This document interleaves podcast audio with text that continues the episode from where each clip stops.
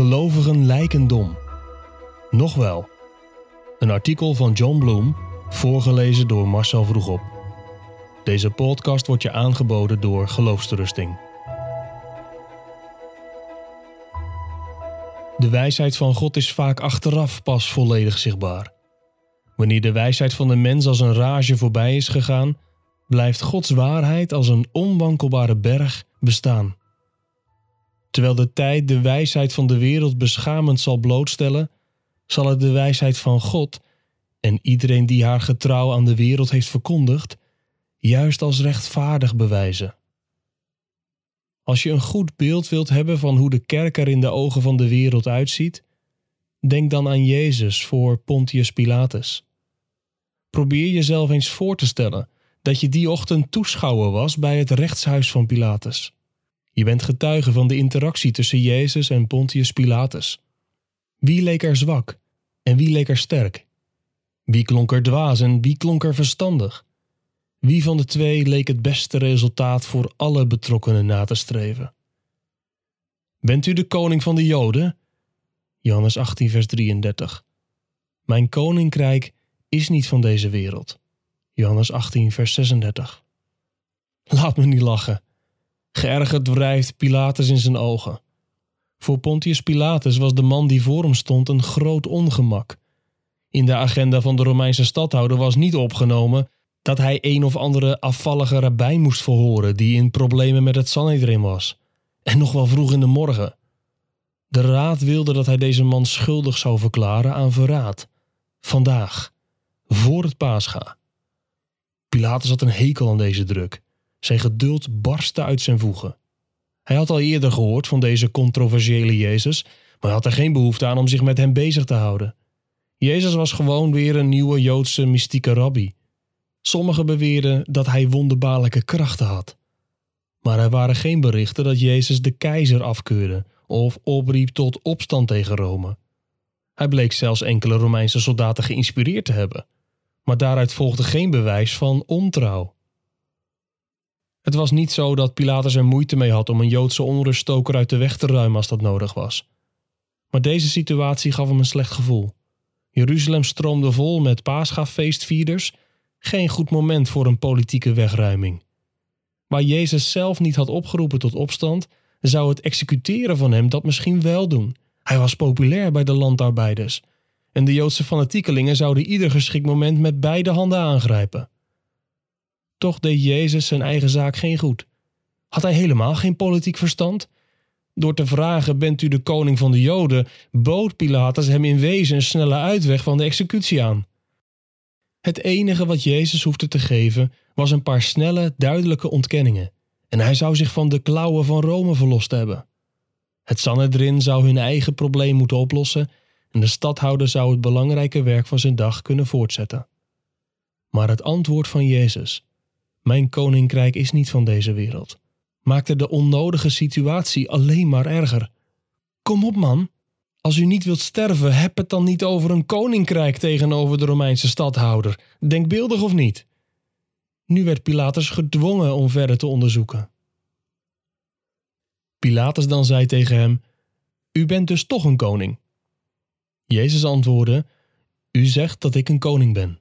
Hiervoor ben ik geboren en hiervoor ben ik in de wereld gekomen, om voor de waarheid te getuigen. Iedereen die uit de waarheid is, geeft aan mijn stem gehoor. Johannes 18, vers 37. Pilatus schampert cynisch. Precies wat hij dacht. Een Joodse geheimzinnige met zijn hoofd in de wolken. Waanideeën? Absoluut. Maar een echte politieke bedreiging voor Rome of iemand anders? Absoluut niet. Jezus was een koning van de waarheid, wiens koninkrijk bestond uit onderdanen die bereid waren naar zijn stem te luisteren. Pilatus dacht dat zij nooit genoeg zouden zijn voor een opstand. Plus, Jezus' dienaren wilden niet vechten tegen wereldse machten. Johannes 18, vers 36. Dit was een religieuze waanzin, geen verraad. Jezus hoefde niet gedood te worden. Toen had Pilatus een idee. Er was een manier om uit deze puinhoop te komen. Een manier om Jezus vrij te laten, zodat Rome er welwillend uitzag, het Sanhedrin geen gezichtsverlies leed en de Joodse massa's zouden worden gesust. De vrijlating van de Pascha-gevangenen. Toen hij opstond om het idee aan de Joden voor te leggen, zei hij sarcastisch tegen de koning van de waarheid: Wat is de waarheid? Johannes 18, vers 38. Die morgen, zittend in zijn rechthuis, had Pilatus het volledige gezag van het Romeinse Rijk achter zich. Jezus leek niemand te hebben. Hij stond daar, veracht en de onwaardigste onder de mensen. Jesaja 53, vers 3. De woorden van Pilatus moeten redelijk geklonken hebben, gezien de context. Jezus' woorden moeten waanzinnig en vreemd geklonken hebben.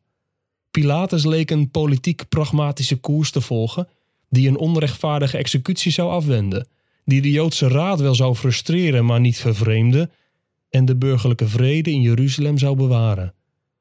Jezus leek op onverklaarbare wijze niets te doen om de kruisiging te vermijden. Maar met het voordeel dat wij hebben om terug te blikken, zien we dat Jezus sterk was en Pilatus zwak. Pilatus oefende alleen gezag uit dat hij van God had ontvangen. Johannes 19, vers 11. We zien dat Jezus wijs was en Pilatus dwaas. De stadhouder vond de woorden van Jezus alleen onbegrijpelijk omdat hij ze hoorde als een natuurlijk mens. 1 Korinthe 2 vers 14. En we zien dat Jezus, niet Pilatus, wist wat het beste resultaat zou opleveren voor alle betrokkenen.